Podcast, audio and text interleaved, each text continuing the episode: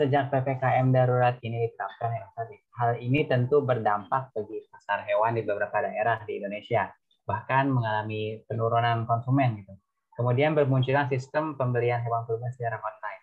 Lantas eh, bagaimana hukum sistem pembelian hewan kurban online dengan sekaligus itu biasanya ada pemotongan dan pendistribusian sekaligus, di mana berarti konsumen itu hanya terima beres gitu. Nah itu gimana? Jadi memang eh, berkembangnya teknologi eh, memang mm, memberikan peluang ya inovasi ya untuk memanfaatkan media media online terutama platform digital ya dalam di, di berbagai aspek.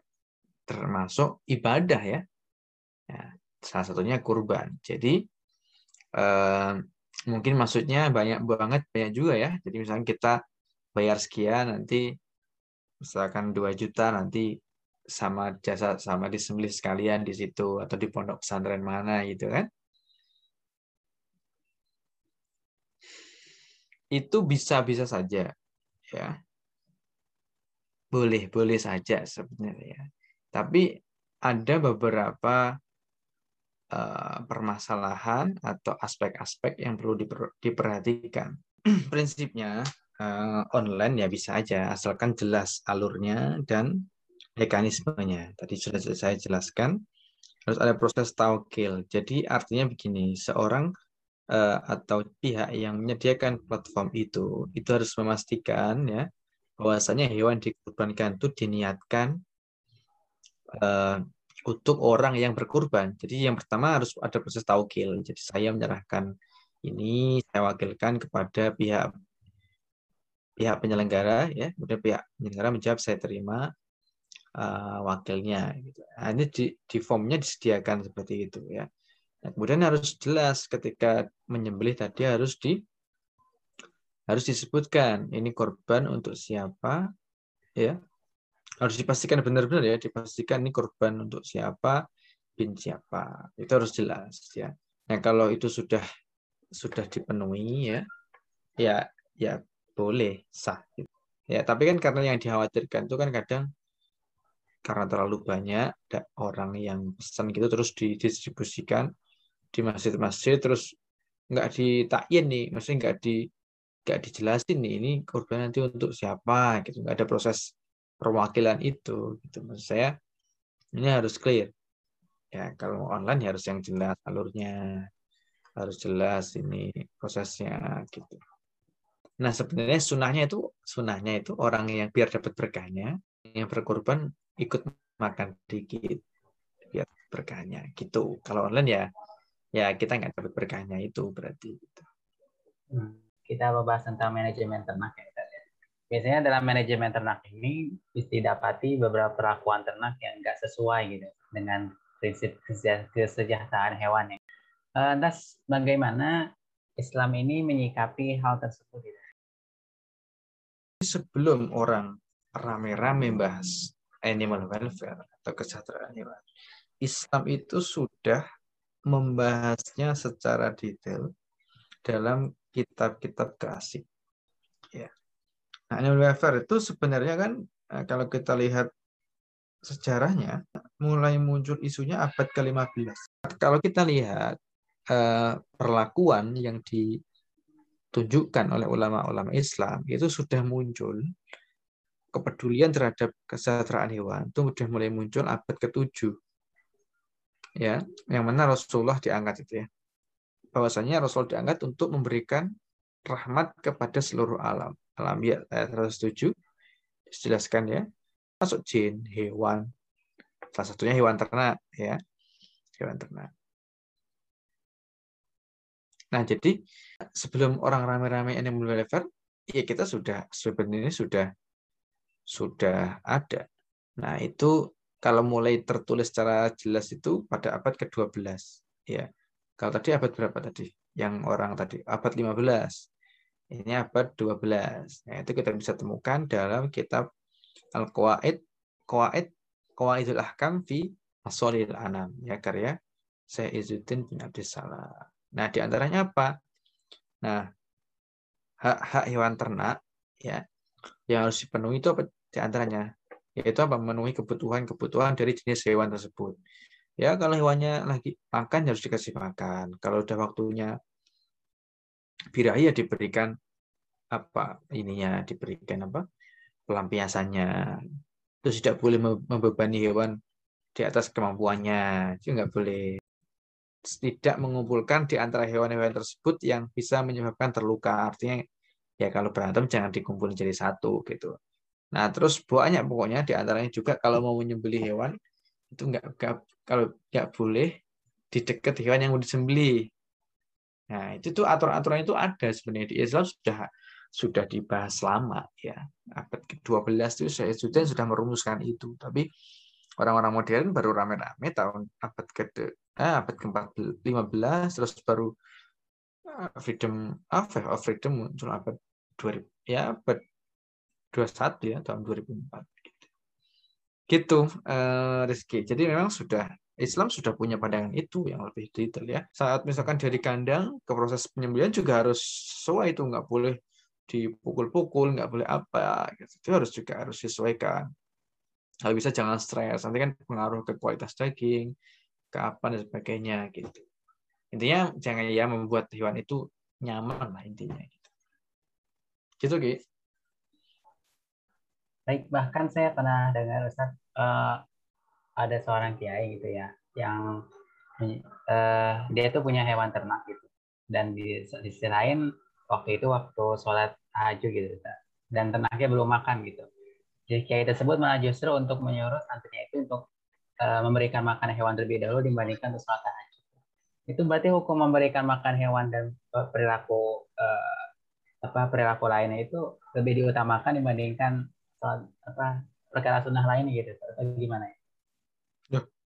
Ya, gini, di fikih itu jelas ini misalkan dalam suatu kondisi yang tidak ada air dan hanya ada air cuma satu ember misalkan.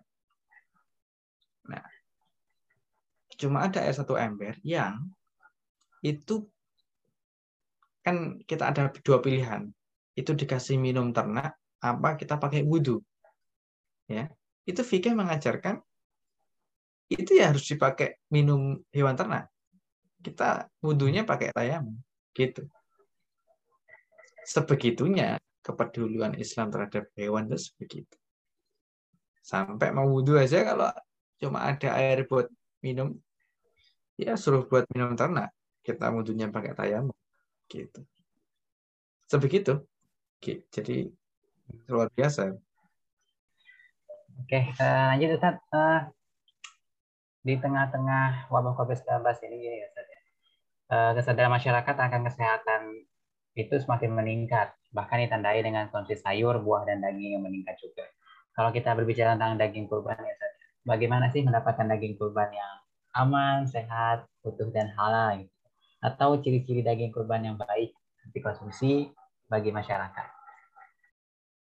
Jadi sebenarnya begini, uh, dalam sebuah atau perusahaan farm atau peternakan yang menjual hewan kurban, setahu saya itu biasanya ada quality controlnya. Jadi ada dokter hewan yang bertugas untuk memastikan hewan itu sesuai atau sehat dan sesuai dengan kriteria. Biasanya ada surat dari keterangan dari dokter hewan.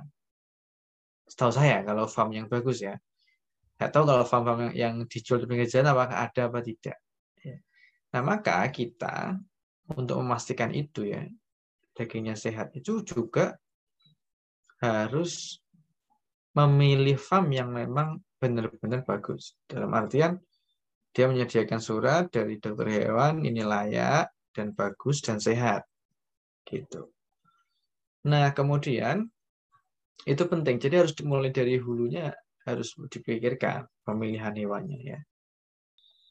Nah, kemudian setelah disembelihnya juga benar dalam arti tadi sudah memenuhi syarat, kemudian dilihat dagingnya bagus nggak kualitinya gitu ya. Quality. Tentu kualitinya orang dulu sama sekarang beda. Ya mungkin dulu ya mungkin secara gampangnya dilihat ada cacingnya apa enggak itu biasanya sih dilihat dari hatinya ada cacingnya apa enggak Nah, biasanya itu juga ada tuh dokter hewan yang bertugas melihat itu. Dagingnya bagus apa enggak. Jadi, saya rasa nggak tahu ya kalau di kampung saya nggak tahu. Tapi kalau di sini, di Bogor tuh ada. Ya kan, mungkin dekat dengan IPP gitu ya, yang punya fakultas kedokteran hewan. Ya, tapi mungkin dinas-dinas peternakan itu harus menyediakan itu, saya rasa. Mengecek hewan kurban itu. Ya, tapi mungkin berat ya, karena kan di seluruh Indonesia ini kan kurban. Tapi ya at least harus punya SOP lah, setidaknya. Dinas dinas pertanian ya, ya yang dimaksud di departemen peternakan ya, harus punya rule gitu ya, mengatur itu. Jadi hewan yang diterima daging diterima oleh masyarakat memang benar-benar sehat gitu. Dan artinya nggak nggak ada cacing pitanya. Cacing pita ya kalau saya Taenia saginata. Apa solium ya? Taenia solium kan ada di sapi. Ya. saginata kan di babi harus dipastikan tuh nggak ada. Saya nggak tahu tuh ciri-cirinya dagingnya bagus seperti apa sih kurang paham. Apakah yang merah apakah yang orang yang nggak pucat saya juga kurang paham sih dagingnya begitu. Tapi ya aspek-aspek itu harus kita coba harus kita mulai care gitu ya. Ya buat apa ilmu pengetahuan kalau tidak untuk kemaslahatan yang lebih baik gitu. Saya rasa itu Ki. saya nggak bisa jelasin detail ya tentang daging seperti apa mungkin bisa bisa anak peternakan atau anak dokter hewan yang bisa membicarakannya lebih lebih dalam gitu ya gitu Ki. prosedur inilah prosedur kesehatannya dari mulai pemotongannya hingga pendistribusiannya sistemnya seperti apa gitu. Prosedur pemotongan? Ya atau nggak boleh ya. berkerumun kah atau gitu? Oh, oh, ya itu teknis ya. Saya rasa ya kita harus sesuai protokol kesehatan juga kan sekarang lagi musimnya ppkm ya. ya. Jadi harus menyesuaikan. Jadi ya secukupnya uh, yang jaga secukupnya. Enggak kadang kan soalnya biasanya kan kalau nyembeli itu di kerumunan kan mesti dilihatin biasanya yang begitu begitu ya harus dihindari lah saya rasa ya dihindari ya artinya panitia juga harus peduli dengan itu gitu saya rasa biasanya ditontonin sih nah itu kalau bisa jangan saya berkerumun tetap pakai masker prokesnya dijaga karena memang keadaannya lagi begini gitu itu sih mungkin saya rasa ya gitu. Eh, baik sobat Kamera IPB yang insya Allah diberkahi oleh Allah Subhanahu Wa Taala. Begitulah hasil diskusi kita pada podcast spesial Hari Raya Idul Adha kali ini. Terima kasih kepada Ustaz Hamzah yang telah hadir selaku materi kita pada podcast kali ini. Saya Rizky, pamit undur diri. Mohon maaf pada segala kekurangan. Wassalamualaikum warahmatullahi wabarakatuh.